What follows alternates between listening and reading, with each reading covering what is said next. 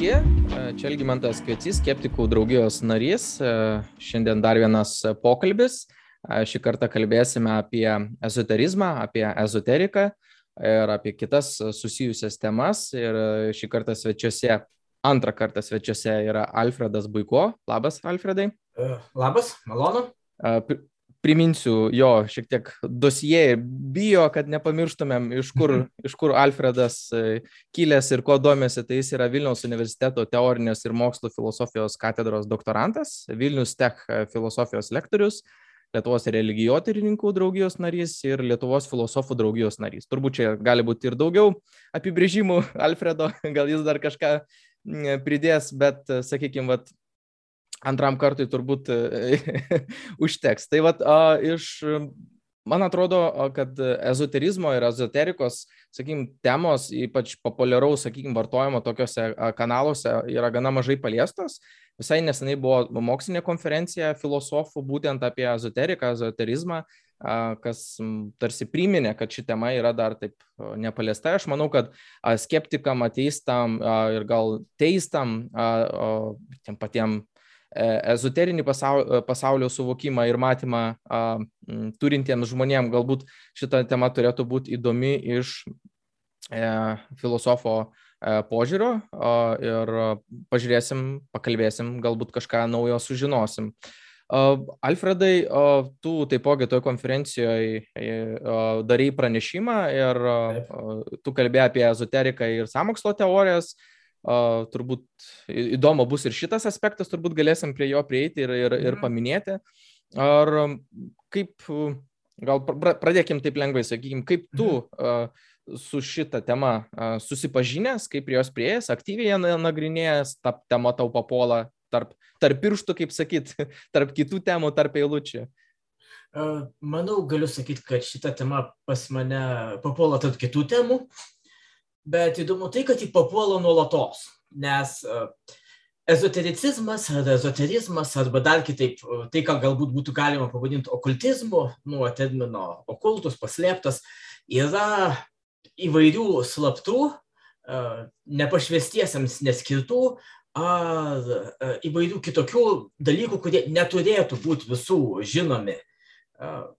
Bendras žodis, bendras vardiklis Ir labai įdomu tai, kad vat, nuolatos tokie dalykai patenka e, pa žmonės, kurie neturėtų to žinoti, tampa tokio kasdienio kalbėjimo samprata, arba net pradedami naudoti kaip e, mados simboliai, popkultūros simboliai, mhm. ar dar kas nors tokio.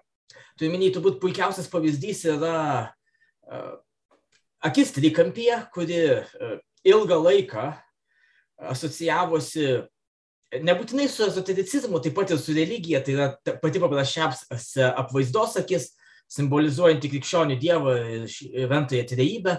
Mhm. Ir dabar šiomis dienomis visi asocijuoja su iluminatais, e, pasaulio valdžia, slaptais dalykais ir panašiomis sampratomis.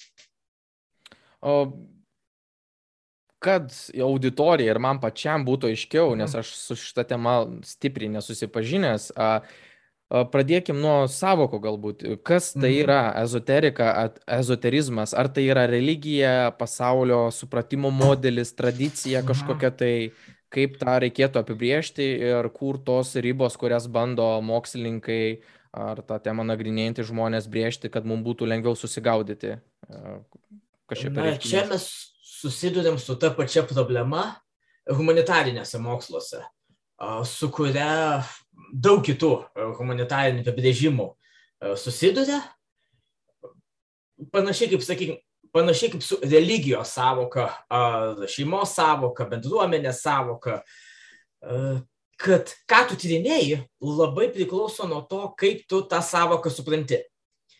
Jei kalbėti apie ezotericizmą, yra keletas skirtingų nuostatų.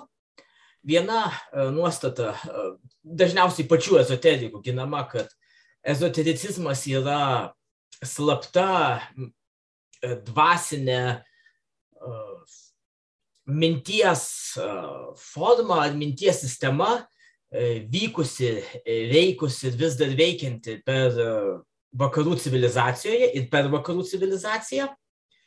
O kitos grupės, beje, joms ir aš priklausau, sakytų, kad ezotericizmas yra toks skėtinis terminas, apjungiantis daugybę įvairių skirtingų dvasinių, mistinių, okultinių judėjimų vakarų visuomenėje, kurie, na, turi tam tikrų panašumų ar persidengimų, bet šiaip nėra visiškai tokie patys. Ir kad tai va, veikiau yra kažkas vartojama ne nusakyt tikrą daiktą, kuris iš tikrųjų egzistuoja, o veikiau aprašyti tam tikrą skirtingų dalykų grupę, kurie yra panašus, bet tuo pat metu pakankamai smarkiai skiriasi. Mhm.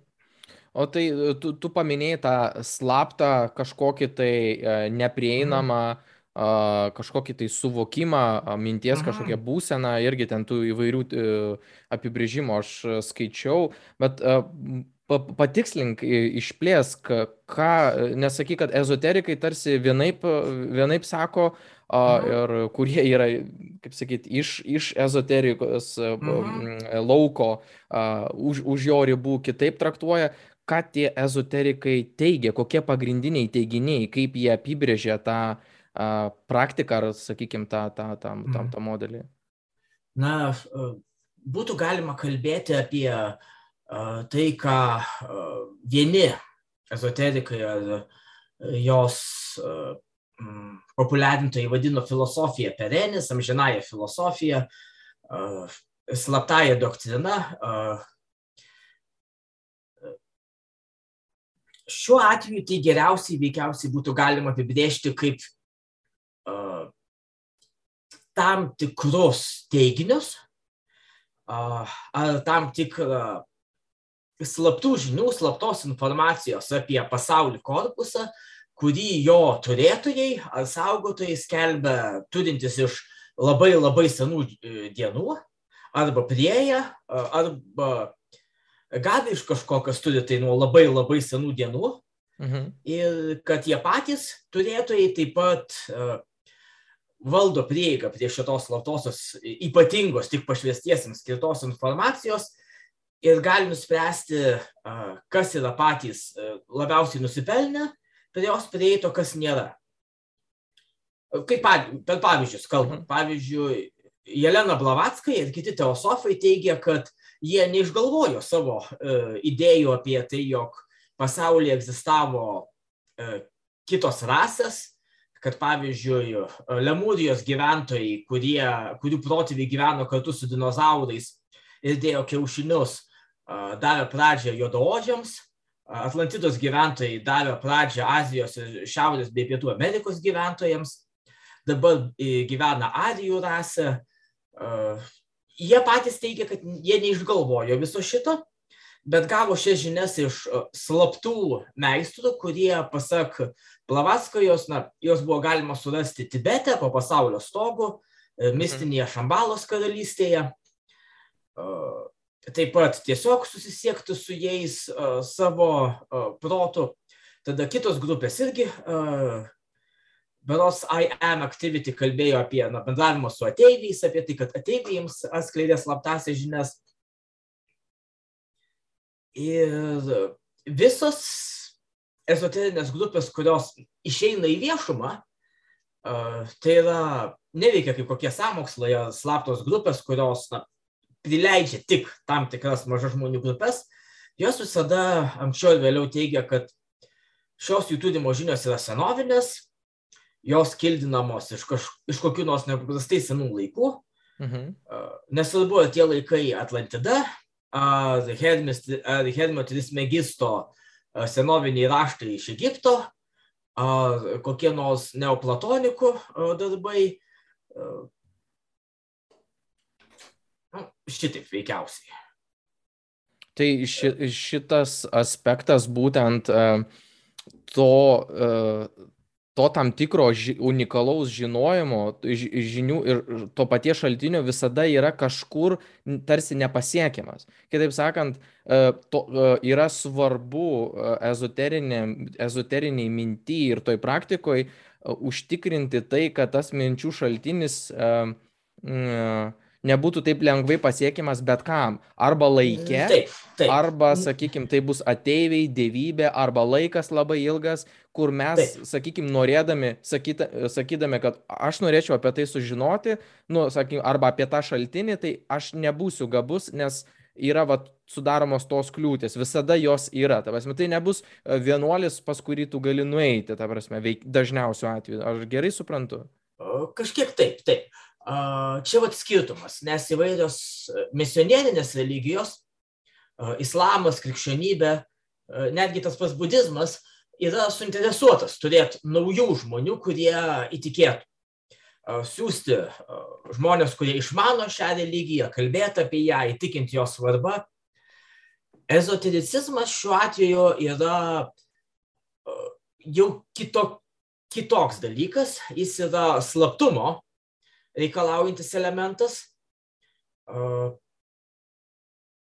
Turiu, Bet tu turi minėti, kad čia ta indoktrinacija e, vyksta kitokiu principu. Aš Jeigu... nesakyčiau, aš nevartočiau termino doktrinacija. Tai yra e, visų pirmiausia dėl to, kad jis yra na, labai neigiamai iš karto nusistatantis. Jo, aš norėjau Nebūtinai- papildyti, turiu minį, kad a, jeigu tai yra tokia aktyvi, o tai yra toks traukiantis procesas, kur ta paslaptis traukia tave sužinoti ir jeigu tu ten sukeli pasitikėjimą, tau ale duoda tą žinojimą. A, Mm, Ką Kažkiek taip, bet gal iš vis labai įdomiai galima pakalbėti, nes yra a, toks misionierinis žinojimas, mistinis ir ezoterinis. Ir a, kokia nors a, judėjų kabala arba krikščioniškas mistic- misticizmas a, per Kristaus žaizdų meditacijas, kitus tokius dalykus, mhm. Uh, tai vad nebūtinai yra ezotericizmas, nors kabala idėjos buvo labai pagriptos ezoterikų ir inkorporuotos į save. Sakyčiau, ezotericizmas dar skiriasi nuo tiesiog mistinių įsitikinimų, tuom, kad ezotericizmas visada save pas, prieš pastato tokiai oficialiai doktrinai, oficialiam suvokimui, kaip vat, tikrąją slaptąją išmintį, kuri išgyveno nuo seniausių laikų, kuri yra pati tikriausia didžioji slaptoji paslėptoji išmintis Mhm. ir prie kurios tik kai kurie išrinktieji turi prieigą. Kas aišku labai jokinga, nes šią, šias pačias idėjas vėliau pasigrebė kai kurie protestantų fundamentalistai, kurie ėmė teikti, kad vat, protestantizmas, specifiškai kalviniškas protestantizmas, yra tikroji krikščionybė, išgyvenusi pogrindyje nuo pat e, Konstantino e, įvykdyto e, Romos apkrikštyjimo per visus tuos laikus, o katalikų bažnyčia yra pagoniškas kultas, garbinantis senovės Babilono karalių Nimrodą ir jo žmoną Semiramidę. Tai čia tas ezoterinis aspektas būtų, e, taip, šito. Taip, kad vat, čia yra mūsų krikščionybė, yra tikroji krikščionybė, turinti tikrasias slaptasias žinias, kurios buvo laikytos giliai, giliai pogrindyje ir Mhm. va dabar yra išėjusios ir mes galim visiems e, atskleisti e, šį slaptumą. Kitas reikalas, kad dauguma ezoterinių judėjimų, jie e, teigia, kad jie yra slapti judėjimai, kurie neskleidžia savo turimų žinių bet kam, kas tinka, Mhm. Bet jie taip pat dažnai yra suinteresuoti naujų narių prikvietimu ar e, surinkimu. E, Kaip puikus pavyzdžiai būtų auksinės aušros ordinas, tas pats, kuriam priklausė Alisteris Kraulis ir rašytojas Alžeronas Blackwoodas.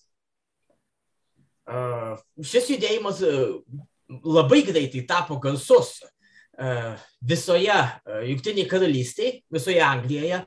Ir ne tik todėl, kad tai buvo koks nors ypatingas ži- žinojimu pasižymėjęs judėjimas, bet dėl to, kad na, jam priklausė labai daug garsių ir įtakingų žmonių. Scientologija turi panašių elementų, kurie, na, iš šiuo metu yra žinoma daugiausiai dėl didžiulio kiekio Hollywoodo žvaigždžių, kurios priklauso Scientologų bažnyčiai. Taip. E, Nors Scientologai skiriasi nuo kitų tokių ezoterinių judėjimų, nes jie pradžioje, nes jie vat, yra tikrai vat, grinai toks ezoterinis judėjimas, ta pačia tikriausia prasme, nes e, tie, kas tik susi, e, susipažįsta, jokių paslapčių apie ksenų, apie ateivių dvasias ir panašius dalykus nežino. Ir dar ilgą laiką nežinos. E, Tam reikia tą pasiekti. Tai tuo šiek tiek skiriasi. Mhm. E, Bet kiti tokie judėjimai, kaip tas pati Jelenos Blavaskijos teosofija, jie dažniausiai nuo pat pradžių kalba, kad vat, mes turim slaptas ypatingas žinias ir prisijungit prie mūsų, tapsit šios tūkstančius metų siekiančios tradicijos dalimi. Ir tai nėra kažkas naujo, nes Renesanso metu, tiksliai nepasakysiu, 16-17 amžiuje atsirado Kristiano Rozenkreicerio nu, pseudonimų parašyti tekstai apie slaptą Rozenkreicerio rožės ir kryžiaus draugiją. Ir tada Rozenkreicerio bendruomenė pridygo kaip grybų e, po lietaus.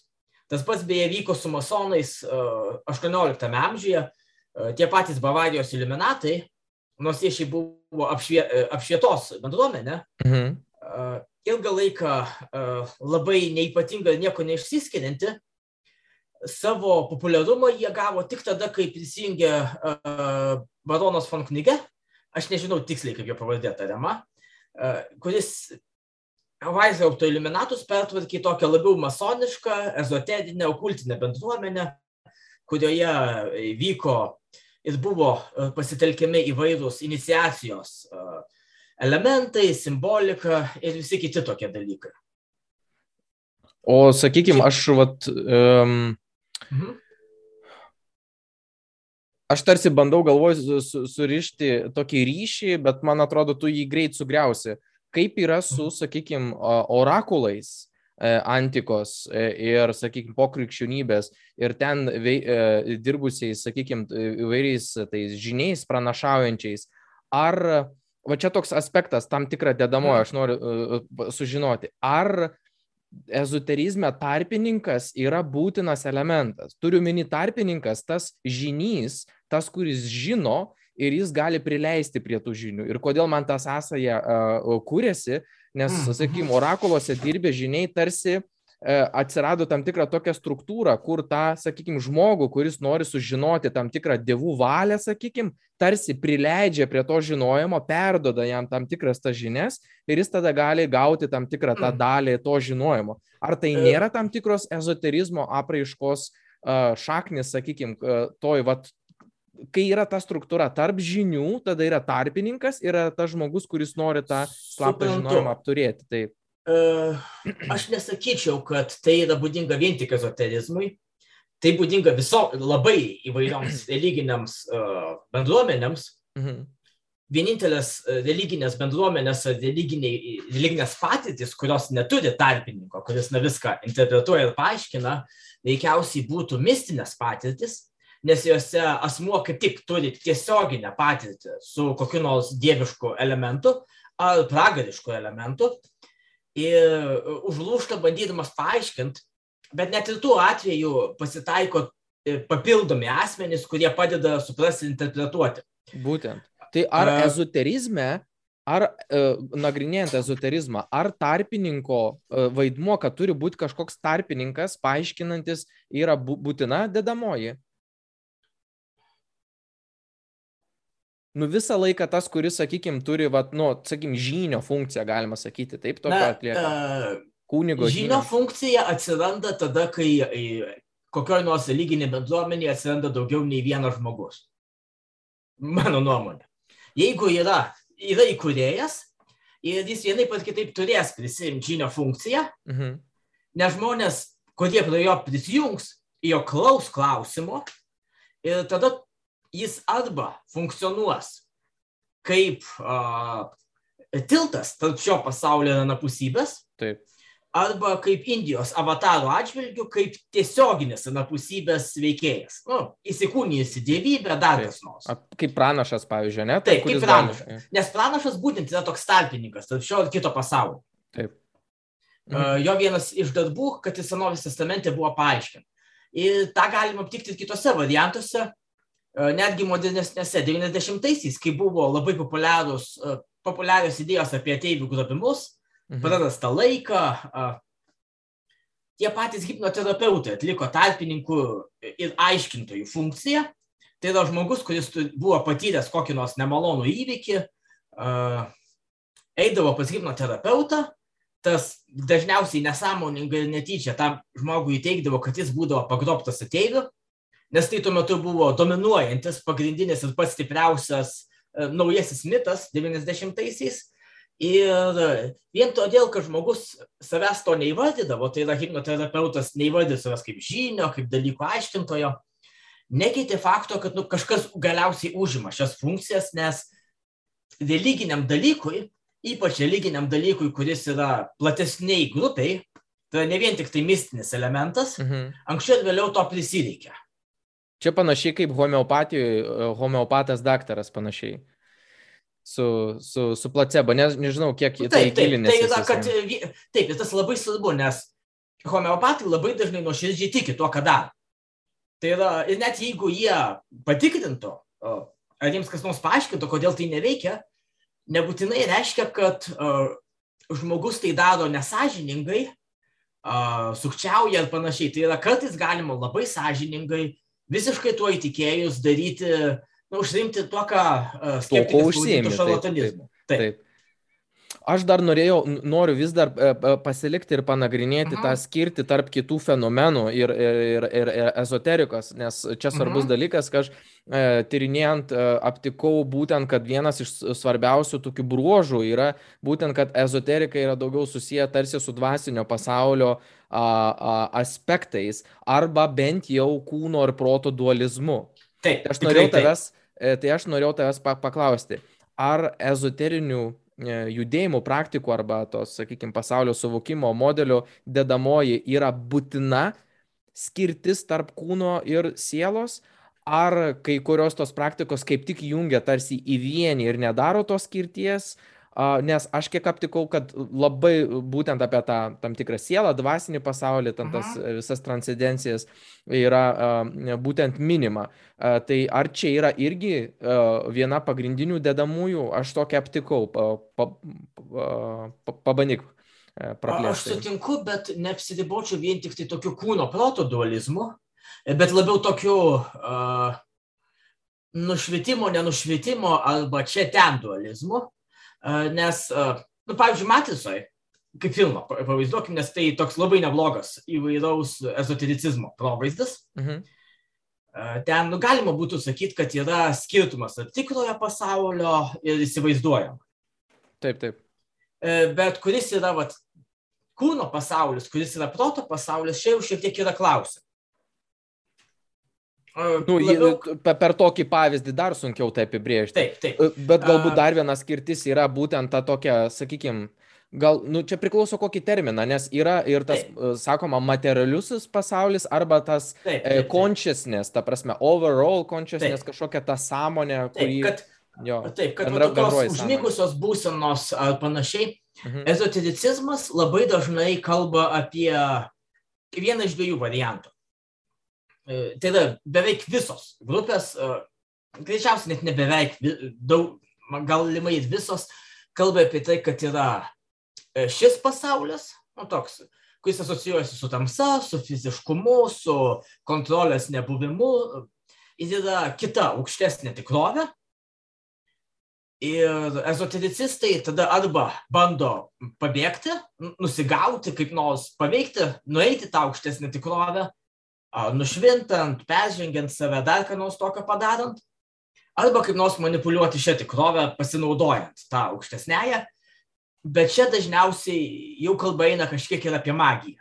Ten prasideda tie įdomus skiriamieji elementai, kai kalba eina apie okultizmą, magiją, ezotericizmą, misticizmą ir kad labai sunku pasakyti, kur vienas baigėsi, o kitas prasideda. Nu, Nes tai ezoterika ir ezote, ezotericizmas yra tikrai platesnė kategorija negu kad ten kokias nors, sakykime, abrominės religijos, ta prasme. Tai yra platesnė, todėl kad jie apima nu, kai kuria prasme apima tiek daug praktikų ir tiek daug įsitikinimų. Na, nu, bet ir abdominės religijos yra gana plati kategorija, ypač jei pridėsim visus tai naujosius religinius judėjimus, kurie iš jų atsirado. Tu, tu, tu nesutiktum, kad ez, ezoterika yra platesnė kategorija negu abdominės religijos, ta prasme, kiek tai praktikų, kiek tai skirtingų pasaulio, sakykime, suvokimo tokių modelių įtraukia. Čia, aš nelabai sutikčiau, nes man atrodo, kad, uh, kaip čia, uh, vakarų ezotericizmas jis sudaro tokio e, visuotinio elemento įvaizdį, dėl to, kad vakarų ezoterikai nuolatos e, skolindavosi įvaizdžius ir simbolius iš kitų kultūrų, net nebūtinai juos suvokdami. Mhm. Ir dėl to susidaro įspūdis, kad ezotericizmas yra kažkoks nepaprastai platus reikalas, nes kai žmonės kalba apie ezotericizmą, tai ne tik kokią vakarų alchemiją, vakarų astrologiją įpina, bet labai greit įpinami kokie nors kiniškas fenkšui, kuris nelabai yra su tuo susijęs ir nelabai tame veikia, įpinamas ir įvairūs XIX amžiaus pseudomokslai, tokie kaip mesmerizmas, vitalizmas, ta pati homeopatija. Biški ateivių. Taip, ateiviai įpinami ir tada susidaro įspūdis, kad ezotericizmas yra vartojamas vos ne tą pačią prasme, kaip tokie terminai kaip stigmatizuotas žinojimas ar kultinė mhm. terpė, tai yra visi žinojimai, kurie neįsipaišo į bendrą, savaime suprantamą ir normalų žinojimą ir todėl yra kažkur paribiuose.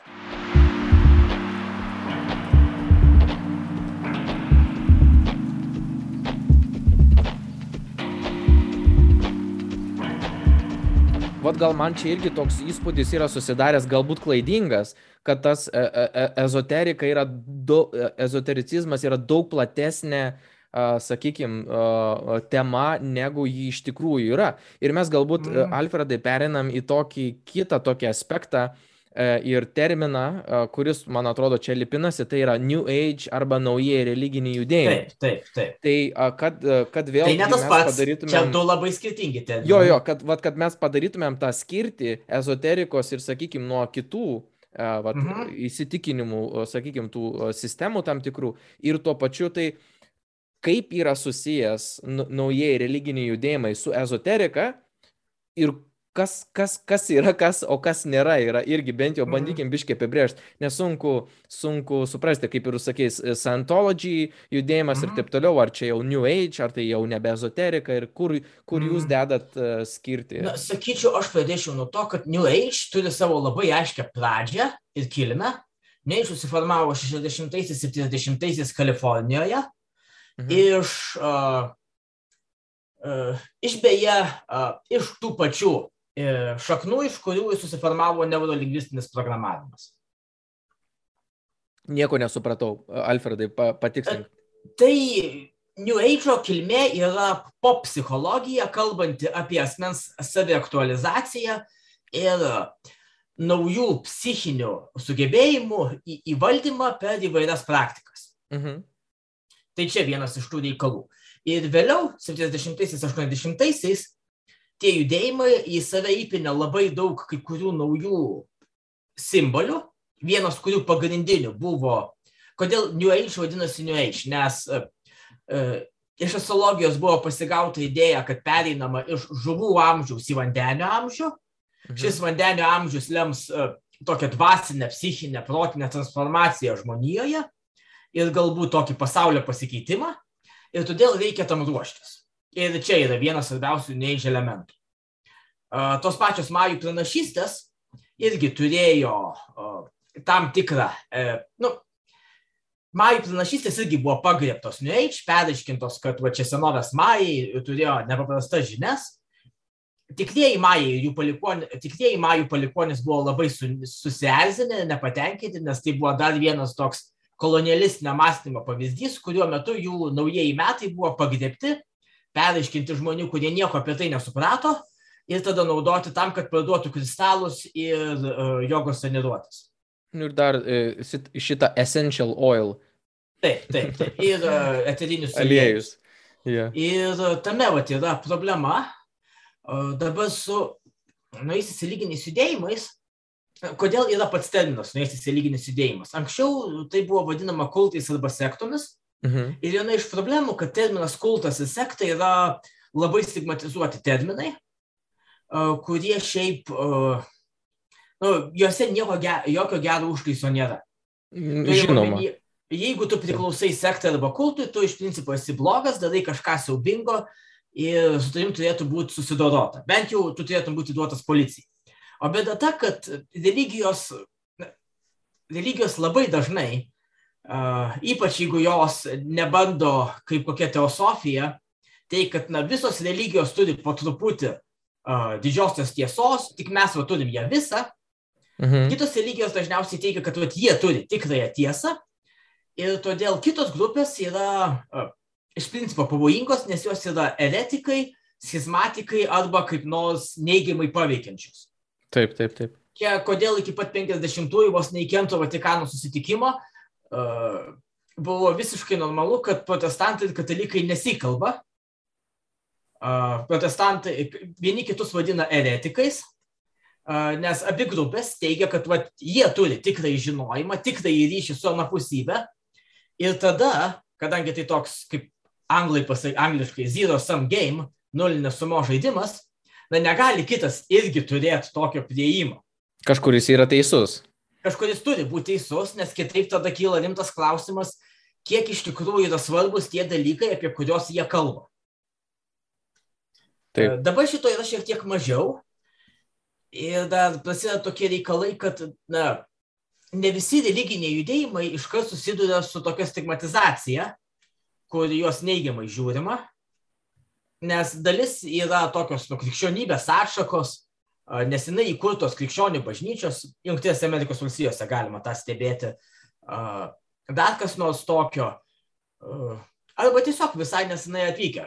Pats... Alfredai, ar aš, e, kad, kad ne, ne, ne, ne, ne, neprašokčiau, ar aš gerai suprantu, Taip. kad e, naujieji religiniai judėjimai neretų atveju turėdami tam tikrą tokią religinės minties arba įsitikinimų minties pluralizmo tam tikro tokią idėją, iš karto tarsi nesusikonfrontuoja su kitais religiniais judėjimais ir religijom, todėl turi tam tikrą galimybę į uh, mm, nesulaukti, sakykime, tokio kažkokio tai e, neigiamo atsako. Tu tą turi omeny? Ar aš ne? Ne, ne, ne. Jie kaip tik kaip dažniausiai sulaukia neigiamo atsako.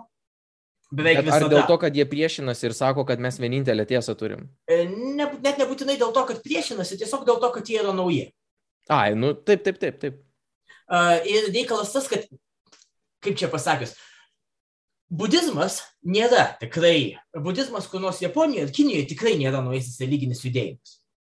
Bet Lietuvoje, kadangi budizmas atvyko į Lietuvą prieš 30 metų, nepriklausomybės laikais, uh, nu, Lietuvos budistinės, budistų bendruomenės, na, juos labai sunku kaip nors kitaip traktuoti Lietuvoje, Lietuvos kontekste, nei naujosius religinius judėjimus. Bet tai nelabai naudinga iš esmės, nes, na, nu, Naujasis, nauj, naujasis religinis judėjimas pagal geografinę apibriežti, kokia iš to nauda yra?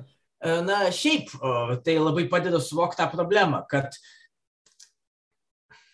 pasakysiu kaip tam tikrą pavyzdį. Mhm. -huh. Krikščionių mitologijos įsitikinimai. Esą mes patiriame kančią ir skausmą ir mirtį todėl, kad mūsų protėviai suvalgė tam tikrą vaisių, paklausė kalbančios gyvatės žiūrint iš skeptiko požiūrio taško, nėra kažkuo gerbtinesni ar rimtesni už scientologų teiginius, esą mes patiriam kančią dėl to, kad mūsų yra apsėstusios ateivių dvasios. Nu, tikrai nėra šito, kad scientologai turėtų būti kažkodėl labiau jokingi už krikščionių bažnyčios. Nu, jo, jeigu per, per tokį pavyzdį, taip, tai atrodo legitimu, taip. Uh, taip, bet reikalas, bet aš kaip religijotininkas labiau stengiuosi pasiekti, kad na, žmonės kažkiek rimčiau į tuos pačius scientologų teiginius pasižiūrėtų.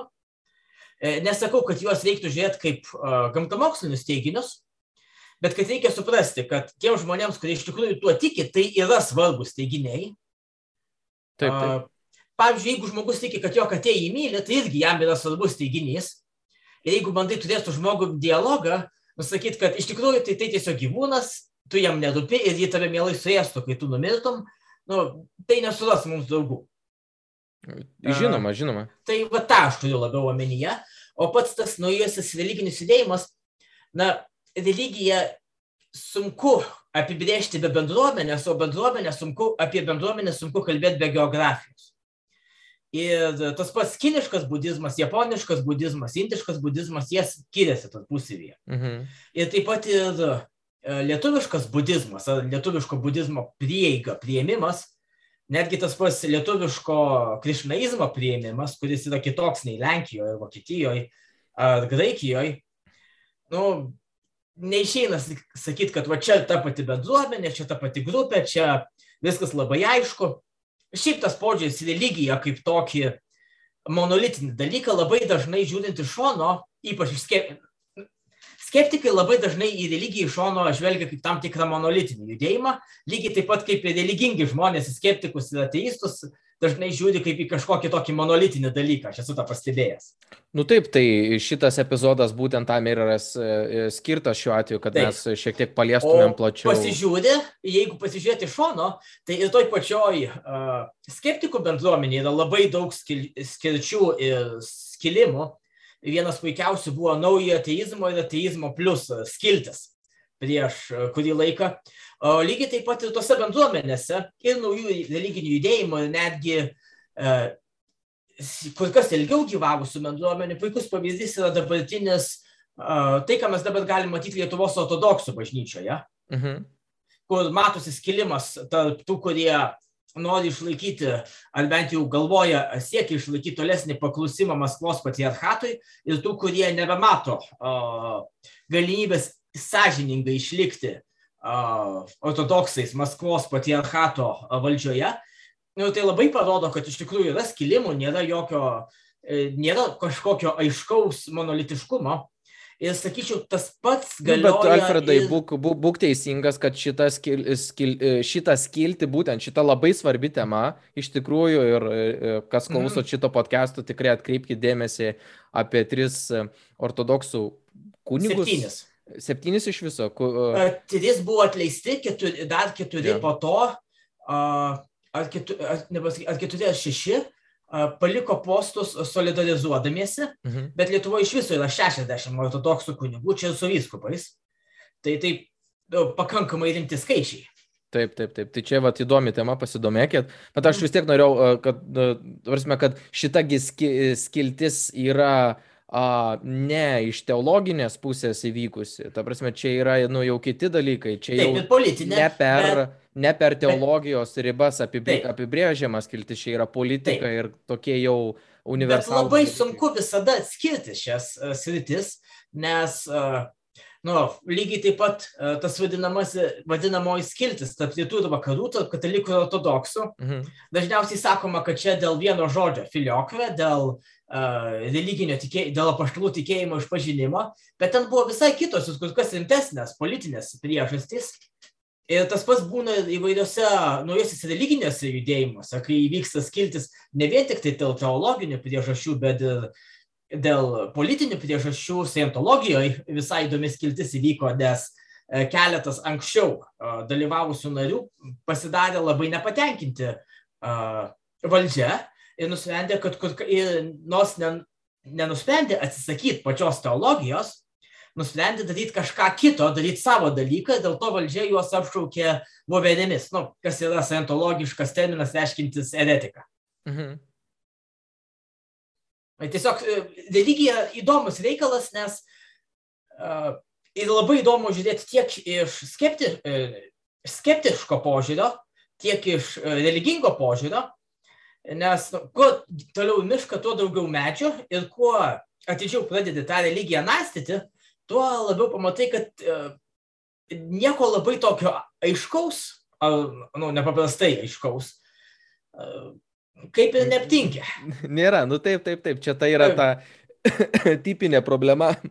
Mhm. E, tai yra puikus pavyzdys yra lietuviškos joninės, kur na, dalis ritualų grinai krikščioniški, O dalis ritualų panašu, kad iš pagonybės atėjo, dalis iš dar kur nors.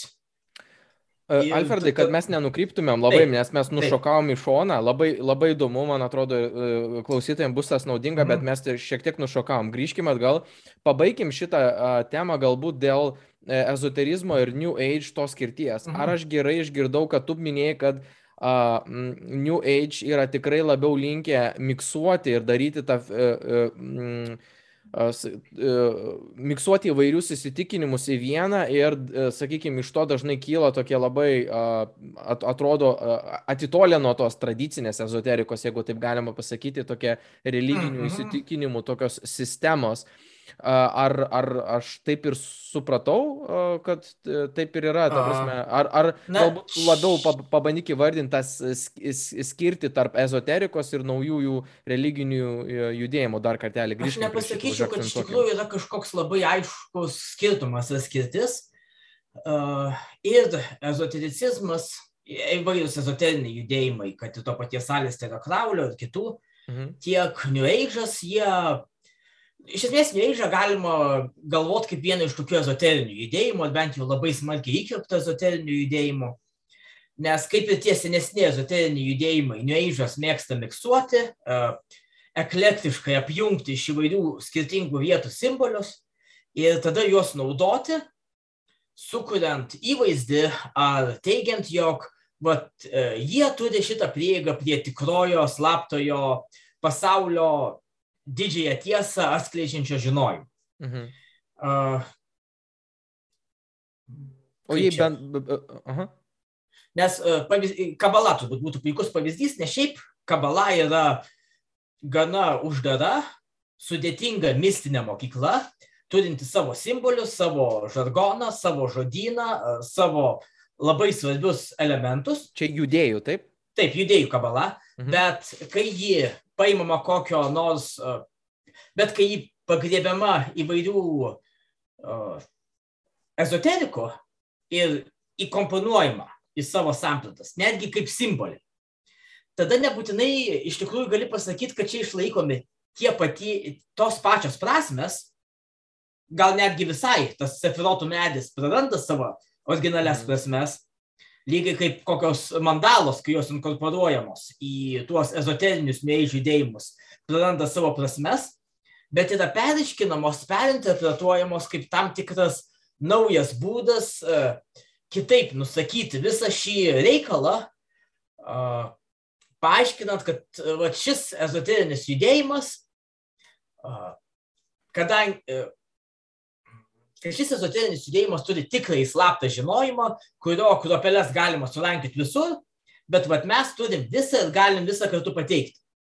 Nors specialistai, tai yra kokie nors stantiniai budistai, kabalistai ar tikri šamanai iš priklausantis vietiniams JAV, Centrinės Amerikos gentims, jie vat pasižiūrėtų ir sakytų, kad nu, jūs čia labai netinkamai interpretuojat, čia ne tos prasmes, ir kiti panašus reikalai. Tai čia vienas iš Taip. tokių elementų. Mhm. Karlosas Kastaneda yra puikus tokio ezotericizmo e, pavyzdys, nors ten, uh, nors ten ne, nėra tiesioginis vakarietiškas ezotericizmas, kuris kalbėtų apie rozenkreicerius, tamplierius, uh, slaptasias draugijas, Helmitis Megista, bet ten vis tiek kalbama, kad va, čia aš toks ir toks sugebėjau uh, susitikti tokį žmogų, kuris man atskleidė šias senovinės žinias, kurios e, nuo labai labai senų laikų buvo saugomos, o dabar jūs galite jas irgi gauti, pirkdami, skaitydami mano knygas. Mhm. O... Ką aš noriu pasakyti, tas tikrasis ezotericizmas, tai yra nu, pats pats tikriausias, kur iš tikrųjų tik pašvestiesiems, aš, tu ar kokie nors kiti mūsų klausytojai, nu, negaus tiesiog taip prieigos prie jų nes jisai dėja, kad tai yra kažkas slapta ir kažkas, kas nepasakojama visiems, kam tik tai užsinori. Taigi tas, prie kurio mes turim prieigą, yra toks, na, mišinys įvairių dalykų iš įvairių vietų sudėtų ir sudėliotų, kuris kažkiek yra kaip produktas parduodamas. Ar gaunas, uh, uh, ai, uh, tai čia yra, sakykime, Ar aš gerai suprantu, kad e, ezoteriniuose judėjimuose kūrėsi tam tikras tas antras sluoksnis, tų tam tikrų mitų, pasakojimų, kurie yra apie tą ezoterinį judėjimą, nes kai tu negali gauti tarsi tam tikros prieigos, tu turi pats lipinti a, a, tas, sakykime, numistifikuoti, sakykime, tą patį judėjimą ir tarsi gaunasi, kad antras lygis yra tų žmonių, kurie gal ir negauna tos prieigos tarsi slaptosios ir kalba apie tą, formuoja tam tikrus įsitikinimus, neturėdami tų žinių ir tada yra tas kitas. Yra. Kažkiek tiesos yra, bet ne visiems. E, mhm. Puikus pavyzdys to, kad tu dabar yra masonai. Tai yra, kadangi vat, masonai iš tikrųjų pasižymė tokiam ezoteriniam, okultiniam praktikom ir žiniom, mhm. su visai idėja, kad na, niekas neturėtų sužinoti, kam nereikia, žmonės, kurie tam nepriklauso, na, prigalvoja visokių istorijų apie žmonių aukas, apie ritualinę žmogžudystės, apie velnio garbinimą, nu, ko tik nori, to prigalvoja. Bet yra kitas dalykas, kad uh, tiesiog religinės grupės, kurios siekia tapti populiaresnės, jos gali ir tiesiog aplink save prilipinti įvairių idėjų, nes tai pasustiprina jų legitimumą ir nes tai yra kažkas, kas vyksta netyčia. Pitagoras, senovinis filosofas ir matematikas, jis įkūrė tokią mintinę mokyklą aplink save ir, vos, ir po jo mirties iš karto jis, būdamas įkūrėjo, apaugo mitais ir legendomis pradedant tokiamis, kad jis turėjo auksinį sėdmenį, baigiant uh, kitokiais įvairiais pasakojimais. Nu, mhm. Nes natūraliai taip vyksta, kai žmonės kuria istorijas, įvairių jų prisigalvoja. Taip. Tai čia tikrai taip yra. Uh, bet ką aš noriu pasakyti, kad galima kalbėti apie tokį nueidžinį ezotericizmą. Nu, plačiai publikai skirtą ezotericizmą, kurį pardavinėja guru. Turiu minį uh, horoskopai, uh, Taip, uh, numerologija. Horoskopai, vandenio amžius, numerologija, visi kiti dalykai. Tas pats The Secret knyga, kuri teigia, kad vat, mes turim senovinės žinias iš labai labai mhm. toli. Tas populiarusis, Taip, populiarusis. ezoterinis nueidžias. Ir tada mes turim, nu, iš tikrųjų, tokius ezoterinius judėjimus, kur mes, būdami iš išorės, uh, galim tik sakyti, kad na, tikrai žmonės daro kažką slapto ir teigia, kad tai yra iš labai labai senų laikų pas juos, bet kadangi juos saisto kokios nors tylos, kokie nors tylos įžadai, jie negali mums to papasakoti, jie nenori to mums papasakoti, nes mes, nes jų, iš jų požiūrio taško mes būdami nepašventinti to tikrai nesuprastume. Taip. Ir Ir tai beje yra įvairiose tikėjimuose tokie dalykai būna, kad nu, yra kai kurios paslaptis, kurios nėra skirtos bet kam ir kurių nu, negali tiesiog imti žmogui aiškinti iš gatvės. Ir tai tas irgi yra, tokie dalykai yra.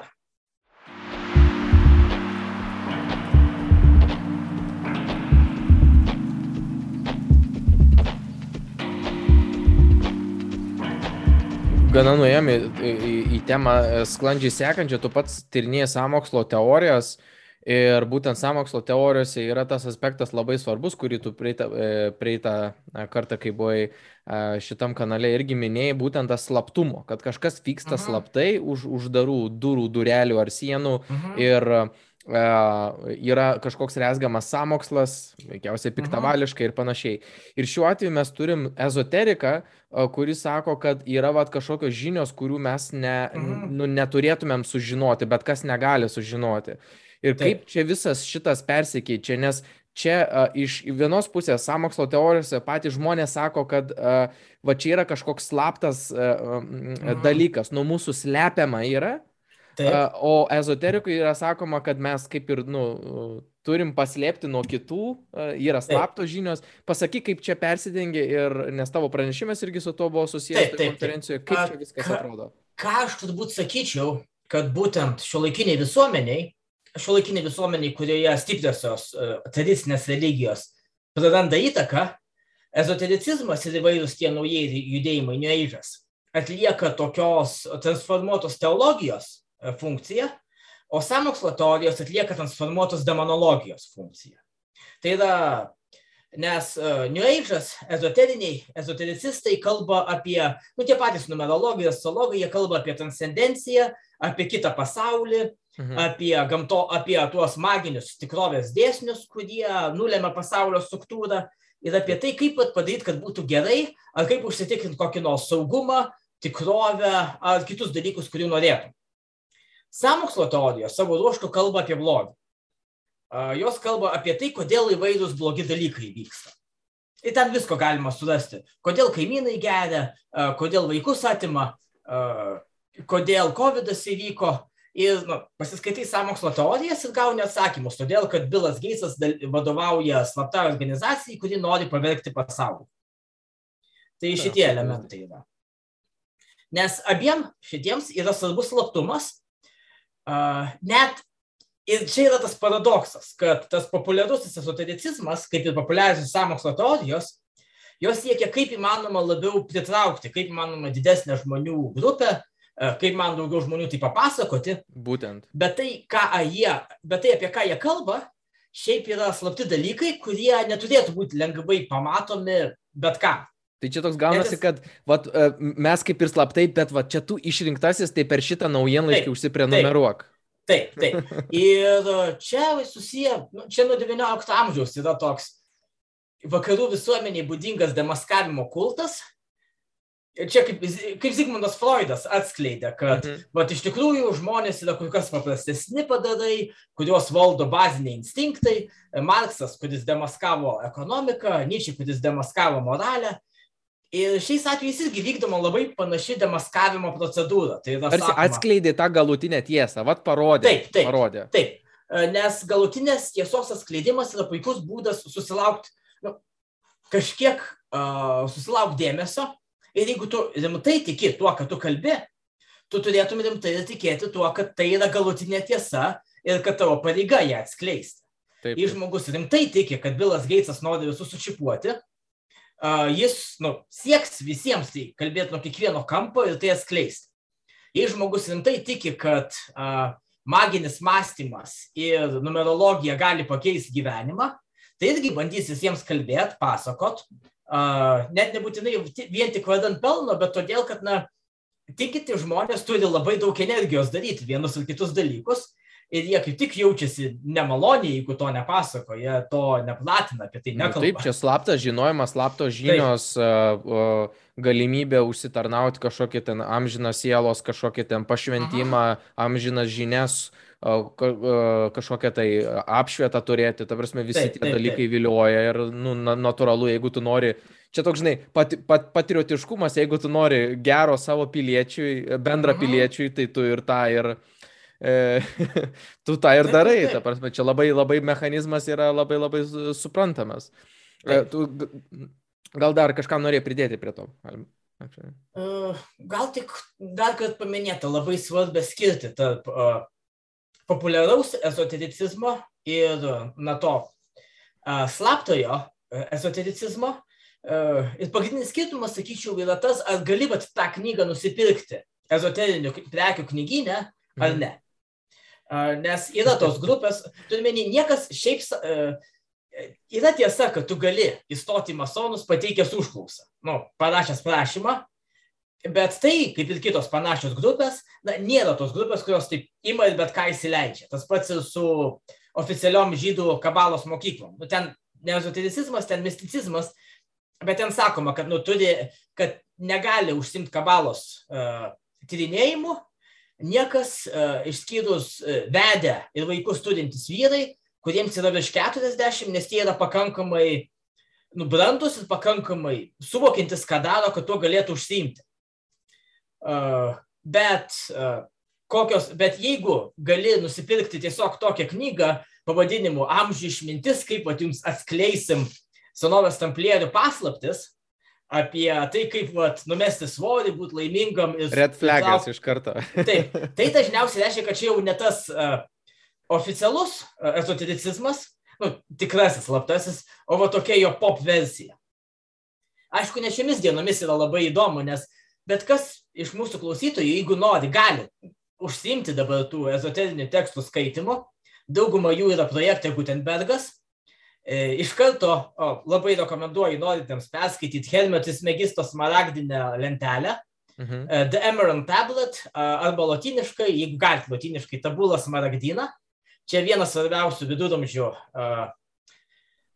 ezoterikų ir alchemikų tekstų. Aš būtinai pasidalinsiu tas, komentaruose taip, nuorodą. Tas pats galioja įvairiems kitiems tekstams ir dėl to tai labai yra įdomu, nes tie slapti ezoteriniai tekstai dabar prieinami bet kam, kas pasiryžęs skaityti vertimą.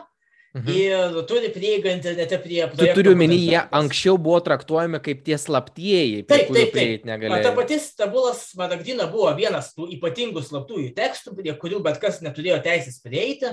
E, tada koks Zohar, kabalistų tekstas irgi buvo taip pat traktuojamas, o mhm. dabar tai reikia įvesti į internetą ir iš karto gauni PDF. -ą. Ir svarbiausia, legaliai, nes tai pakankamai seni tekstai, taigi daugumos jų uh, vienokios ar kitokios autorinės teisės tikrai yra nebegaliojančios. Nu, puiku, tai apšvieta garantuota. Bet aš Aha. galbūt e, iš tikrųjų, kad mes nenuleistumėm šito pokalbio, nu, ir, e, sakykime, tą ezoterizmą, galbūt nesutraktuotumėm taip labai jau a, a, tokiam, mm, sakykime, samokslo teorijų visiškai tokiam kontekste. A, taip, taip, taip, Turbūt reikėtų pabrėžti tai, kad e, e, ezoterizmas, ezoterika, a, nu, sakau, kiek man teko domėtis, tu vat, galėsi irgi mhm. praplėsti, kad tai iš esmės e, daugeliu atveju atliepia, sakykime,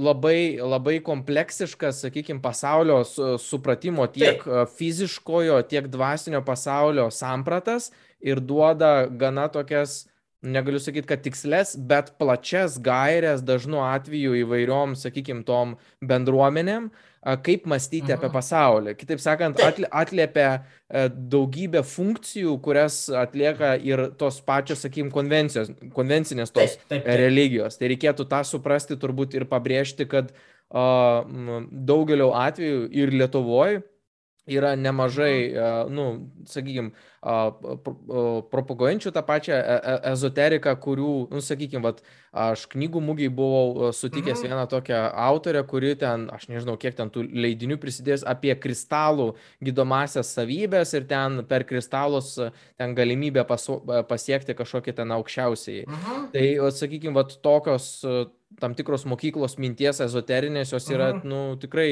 o, jeigu taip sakėm, galime sakyti, rimtai nusiteikusios. Tai taip, nėra. Turime į tą žaidimų. autorę, kurią sutikai, įgarantuotai rimtai tiki tuo, ką kalba. Ir vienas svarbiausių elementų, dėl ko skeptikams gali būti sunku suvokti, ezotericizmas remiasi ne tik tuo dualizmu, kad yra ši tikrovė, žemesnė tikrovė ir kita tikrovė aukštesnė, bet tokiu simbolių mąstymu. Tas labai svarbu tas kažkiek yra kitose religijose, bet ezotericizme, būtent tokiam vakarietiškam, dėl ko jiems taip patinka horoskopai, dėl ko pasireiškia e, tas įvairių simbolių, tokių kaip netgi nebūtinai teisingai perimtų iš kitų kultūrų, nu, sefirų medis, e, mandalas, sapnų gaudyklė, perimimas, nes ezotericizmas, na, žiūri į pasaulį, mato jį kaip tokį nustebuklinta, praradusi savo tokį, praradusi dvasiškumą, praradusi kažkokį krislą. Aš nesakau, kad taip iš tikrųjų yra, koks šitas Dokinsas kaip tik matė. Jo knygose jis kaip tik fizinį pasaulį mato kaip labai įdomu. Ne, tu kalbė apie ezoteriko taip. žiūros kampą. Taip. taip, bet ezoterikas jis kaip tik save prieš pastato tokiai vakarų visuomeniai, moksliniai visuomeniai, kuri mhm. jo nuomonė atimė iš pasaulio viską, kas yra įdomaus, atimė tą simboliškumą Ir tada ezoterikas imasi simboliais uh, iš jo požiūrio taško, ar jos požiūrio taško, atstatinėti pasaulio gyvybę, pasaulio stebuklingumą. Simbolizmą tą. Taip, simbolizmą. Įsimbolinimą, taip. Taip. Uh, Turiu menį, jei taip tiesiai šviesiai kalbėt, uh, nėra taip blogai būti, gyventi ezoteriko pasaulyje, nes tai yra pasaulis, kuriame gali vat, per akmenis kalbėti su ateiviais, kuriame yra senovinės civilizacijų liekanos vandenyne, kuriame yra e, įvairios dvasios gerosios ir piktosios už tavo namų durų, kurias nuo senųjų laikų žmonės su jomis kalbėjosi. Ir, turi, ir tai nėra toks jau na, labai prastas pasaulis. Uh, tikrai geriau už, nu, taip vadin, tikrai geriau už taip vadinamąjį uh, absoliutaus vartojimo pasaulį, kuriame yra darbas, McDonald's, Netflixas ir miegas. Ir, nu, tavo aš, ši, ši, šitas skirtis tokia gana, gana ne, ne, ne, aš sakau, aš pažiūrėčiau skeptiškai uh, aš, sakau, šitai... dėl, aš sakau čia dėl kitos priežasties. Aha, aš pas ezoterikai, su kuriais aš esu bendravęs, jie labai dažnai ezoterizmą būtent iš to pirmojo a, kasdienio nuobodaus pilko pasaulio nueina, a, nes nu, su mokslu jie dažniausiai neturi ypatingo ryšio, tai, kad turėjo mokykloje arba pasimiršo, arba nebuvo įdomu. Tu turiu meni, kad čia tendencija tokia yra, ar Taip, čia tik čia tavo patirtis tendencija. asmeninė? Čia mano kartu patirtis, bet yra kažkiek tendencijos. Kaip čia? Reikalas yra tas, kad daug žmonių yra nelaimingi, nepatenkinti, ne kaip jaučiasi šio laikiniai visuomeniai. Nu, taip yra, tiesiog. Taip, taip, taip. Ir ezotericizmas, kaip beje toks skeptiškumas, rimtas skepticizmas, toks su moksliniu požiūriu pasaulį, jie pateikia alternatyvą. Tada aš nesakau, kad yra vat, vienas požiūris, tas nuobodaus pilko pasaulio ir kitas tas ezoterinis.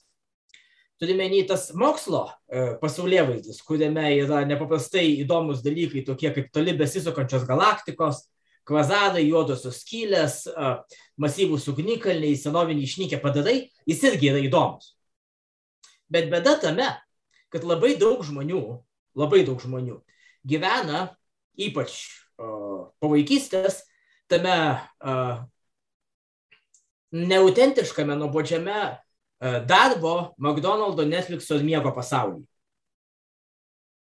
Nu taip, aš manau. Ir dauguma žmonių e, anksčiau ir vėliau būna žmonių, kurie nusprendžia kažkaip iš to išlysti, tai galima per mokslą, per ezotericizmą, per dar ką nors. Uh, per kažkokį pasirinkimą, ne? Per taip, kažkokį taip, pasirinkimą. Ir čia ta pati priežastis, ta pati priežastis, kodėl ką tik pradėję į ezotericizmą atsivertę nauji žmonės, sukelia tokį pat svetimos gėdos jausmą, kaip ką tik atsivertę ateistai.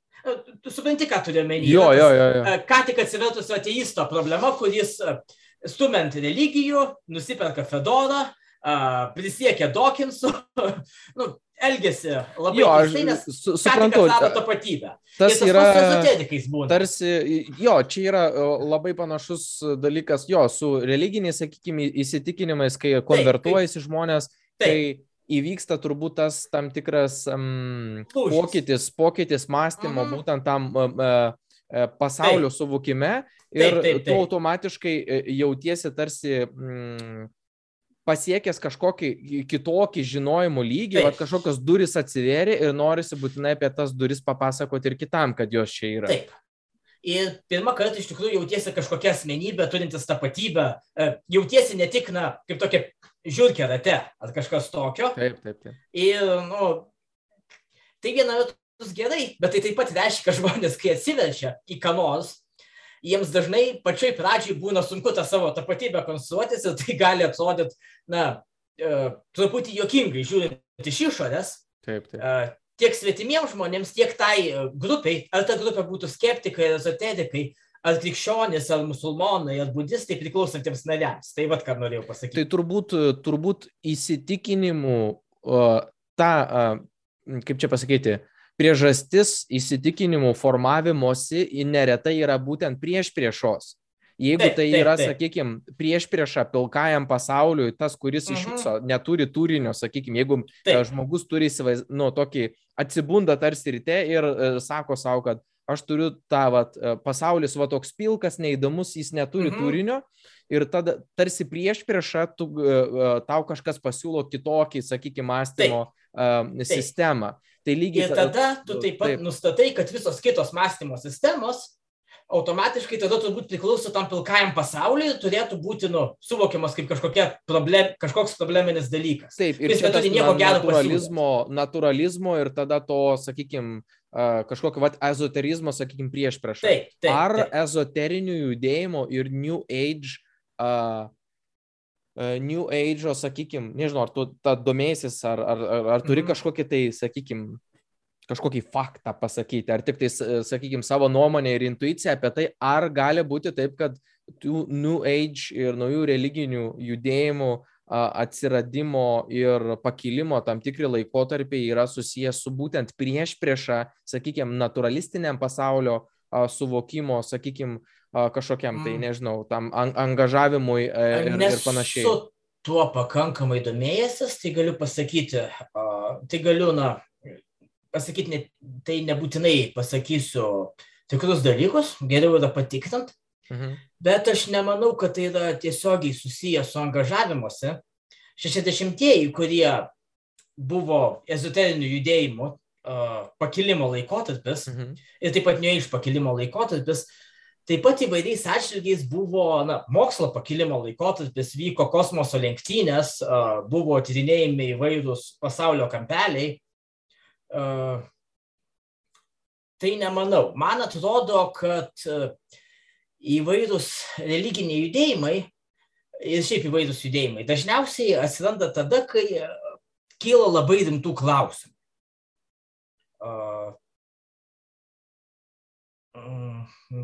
60-aisiais labai daug žmonių pergyveno dėl, pavo, dėl na, pasaulinio brandolinio karo pavojaus. Ir tai sukėlė daugybę klausimų, kurie buvo bandomi atsakyti arba moksliškai, Karlas Seiganas tuo metu kaip tik pradėjo veikti, mhm. arba ezoteriškai. Ir na, nebuvo kaip patogiai sėdėti savo keukutę, miegoti ir vaizduoti, kad viskas yra tvarkoje.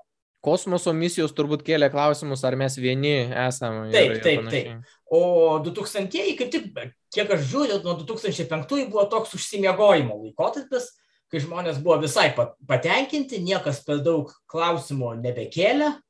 E, Dėl ko aš klausiu? Dabar turim šitą bėdą. Dėl ko aš klausim, kaip atrodo tarsi, nu nežinau, aš mačiau tokias indikacijas, nu tavarsime, vienur, mhm. kitur negaliu taip susijęti, mhm. apie tai, kad tarsi tom, sakykime, to naujojo New Tech mhm. saky, fone e, tie e, naujie religiniai judėjimai turi tam tikrą impulsą, nu turiu mini labai didelę skaitmenizaciją, mhm. dirbtinis intelektas, duomenis, E, kompiuterizacija, tas kalbėjimas apie galimą darbų mhm. ten atimimą robotų ir panašiai. Kitaip sakant, tarsi yra čia angliškas yra alienated, kai yra tam tikra mhm. visuomenė, kuri gal ne, nesugeba vytis, sakykime, šitų greitų Taip. pokyčių, e, sako, ne, mums nereikia šito, mes prisistabdom, mhm. mums reikia kitos mąstymo sistemos. Tikrai taip. Ir tai yra Tikrai tam taip. tikra opozicija. Aš e, galiu išvelgti tokias indikacijas. A, taip, ką tu gali? Bet yra tai embracinimas tos e, sistemos. Tai yra, ką mes matom. Viena vertus turim tą atsisakymo sistemos, kai, kai galvojama, kad nu, nereikia man to silicio slėnio, nereikia man planšetės, geriau aš eisiu gyventi laukiniai gamtoj, atsiribosiu nuo viso šito, bet yra priimimas viso to, kai nu, perkami NFT, uh, kalbama apie savo sąmonės perkelimą į kompiuterį arba į robotus. Mhm. Puikus pavyzdys Elizieris Jutkovskis ir jo to, tie judėjimai, kur jį ir, ir kitus transhumanistus nagrinėjant, kyla rimtas klausimas, ar čia va, pseudomokslas, ar čia jau naujasis religinis judėjimas. Mhm. Nes, kaip čia, nes pseudomokslas, na, tiesiog negali būti patvirtintas, yra tam tikri dalykai, bet čia jau daros panašu, kad tai nėra vien tik tai iš tokio, nu, žmonės įsikabinę savo tam tikrų idėjų, savo tam tikros filosofijos, bet tai panašu vos ne tokį religinį laukimą, tikrojo dirbtinio intelekto, singularity, singularumo laukimo ir panašių dalykų. Ir toks kaip kyla... laukimas to krikščioniškosios teismo taip, dienos tam tikras taip, taip, taip. Labai analogija, panašu? Labai panašu. Ir kai kurie sako, kad, na, kad tai yra krikščioniškas milenizmas, kuris buvo aprengtas techno žargonu. Mhm. Yeah. Ir, bet nu, galima sutikti žmonių, kurie yra skeptikai, ateistai, bet labai prijaučia Jutkovskijui, labai prijaučia e, dirbtinio intelekto tyrinėjimams ir e, galvoja, kad, na, vis tiek toliau galvoja, kad jie yra ateistai. Ir tada kyla tokie įdomus klausimai, nu, kaip pat šitas dalykas, kuris tokiai sankirtoj skirtingų dalykų yra, kaip pat apie jį kalbėti. Čia jau religinis dalykas ar dar ne? Čia jau kažkokiu kitų terminų gali prašytis neužilgo. Mhm. Taip, tikrai taip. Ir sakyčiau, tai yra tiesiog labai įdomu. Be abejo, ta prasme, nes iš bet kurio kampo tokios sankirtos jau yra, nu, mhm. uh, ta, uh, tokia di di difuzija tų visų, tų, tų visų minčių vyksta tokia labai, labai, labai įdomi. Tai...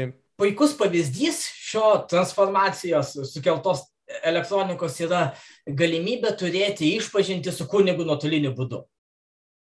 Ir tekdavo beje žmonėms, nes, na, nu, kaip kitaip COVID laiku tai padaryti.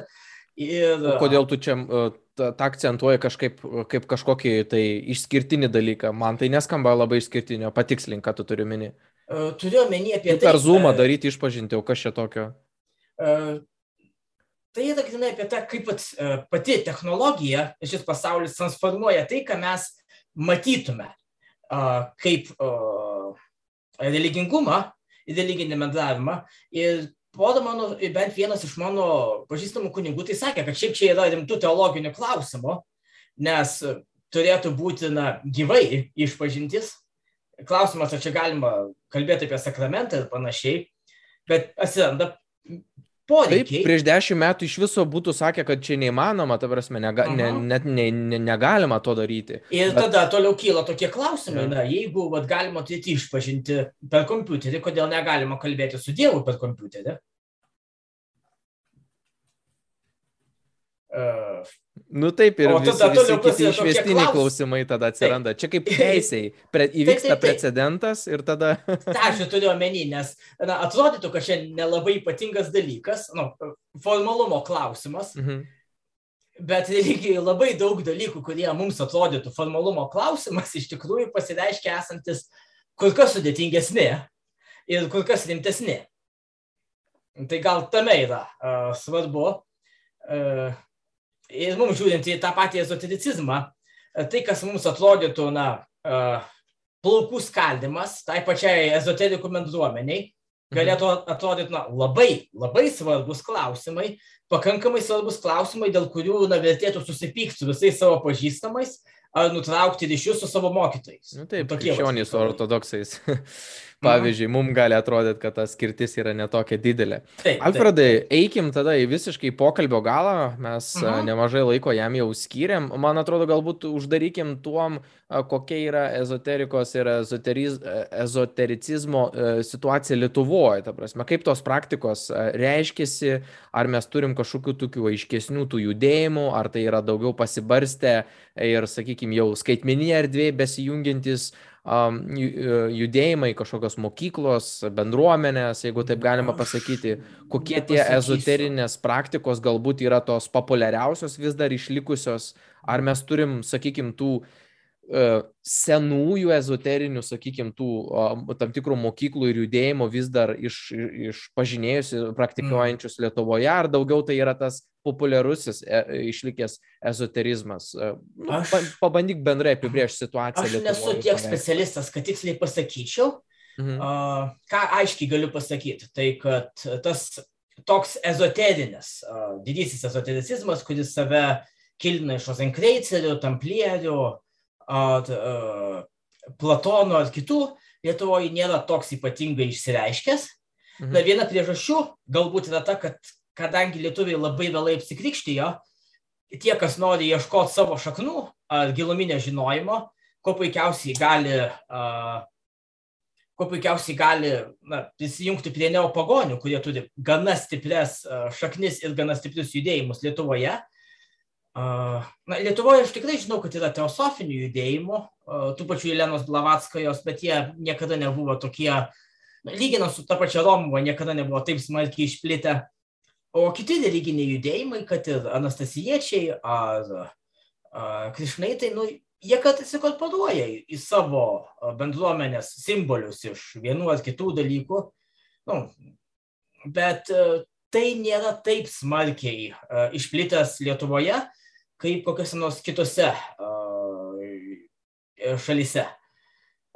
Jeigu vat, čia labiau iš tokio bendro išprusimo, kaip religijotininko, uh, E, bet e, kokiai Prancūzijoje tie ezoteriniai judėjimai visada buvo stipresni e, nei Lietuvoje, nes prancūzai gali tiesiogiai sėti su savo praeitimi, su savo istorija visus tuos dalykus. Mm, čia tas, ir, vat, iš kažkur iš seniau, taip, šitos taip, žinios, taip, mes to neturim. Ir, taip, kaip ir anglai, tuo metu mes turim tas žinias iš seniau, mhm. bet jos yra tokios neopagonybės žinios. Taip, taip, taip. taip ir nors ir neopagonybės žinios, kaip ir tos uh, ezotericizmo žinios, yra daugelio atžvilgių taip konstruojamos, tada imami įvairūs simboliai, dedami, bandoma sukonstruoti, sukurti kažką, paaiškinti.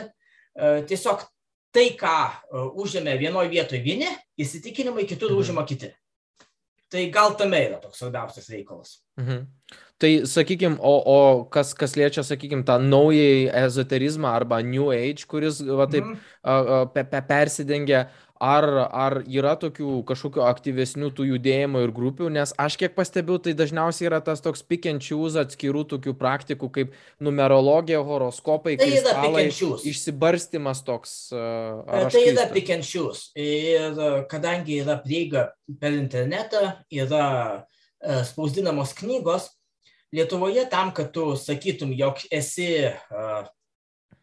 ezoteristas, ezotericistas, tu neprivalai priklausyti kokiai nors bendruomeniai, kokiai nors šventyklai, kaip nu, nelabai, nežinau, ar mes turim auksinės aušros ordino alternatyvą, ar kokią nors magų brolyją. Mhm. Jei turim, nu, nesiafišuoji taip smarkiai kaip tie patys krišnaitai, tai gal tame yra toks elementas. Tai aš pats pažįstu, nu, žinau, kad yra toks ar keletas savarankiškai praktikuojančių ezoterikų, tai tokie žmonės tikrai yra, bet man atrodo, kad tai labai daugumą atvejų per tokį pikenčius eina, kad žmonės renkasi dalykus, kuriems įdomus, kuriems atrodo prasmingi ir svarbus ir taip patys atlieka to interpretatoriaus, vyriausio kunigo ir šventiko vaidmenį. Mhm. Nes internetas ir spauda leidžia tai padaryti. Jie anksčiau rinkti Turėjus. skirtingą turinį Taip, ir pačiam, ir pačiam interpretuoti. Nu, kaip pavyzdys, ne, tu ten susipažįsti su tam tikrą praktiką, mhm. paskaitai galbūt kažkokią tai knygą, mhm. tada nori daugiau informacijos ir tiesiog uh, tu savo tą vaidmenį atlieki tarsi. O po kurio laiko netgi pradėti pas komentuoti, sakai, kad va šitie įsitikinimai, jie man skamba labai gerai ir protingai, o šitie nelabai. Mhm. Kad va šita numerologija yra gera, o šita šiaip savo šita vat, kristalo interpretacija yra tokia vat, labai gera, o šita yra labiau tinkama. Ir panašus dalykai. Ir tas vat, naujusios technologijos labai tą palengvina. Taip, taip, taip, žinoma. Tai Alfredai, gal mes e, tuom ir pabaikim, dar galėtumėm čia mhm. plėstis, aš keletą klausimų tikrai turiu, galėtum. bet manau, kad jie tikrai yra nesminiai, o tu jau praktiškai ten tamsoji sėdi, sėdi Taip, tik tai kakta be šio. Visada galima kitų žmonių pakalbinti, aš į ką galėsiu duoti kontaktus. Gerai, jeigu bus, bus ir iš auditorijos galbūt poreikis, Puiku. parašykite, jeigu norėtume daugiau apie ezoteriką, galbūt ir giliau į šitą temą panagrinėti, tai a, a, vat, Alfredas, kaip sako, gal, galės dar rekomenduoti ieškoti kitų pašnekovų, mhm. kurie tai tyrė atskirai. Ačiū e, tau, Alfredai, už pokalbį. E, mhm. Skeptikų draugijos veiklą e, sekit žinoma šitam kanale, prenumeruokit, parašykit komentarą, jeigu turit komentarų apie šią temą arba norit pasiūlyti kitų temų. Sekit mūsų veiklą Facebook puslapyje, užsukit į mūsų tinklapį ir sustiksime kituose pokalbiuose. Iki kulkas.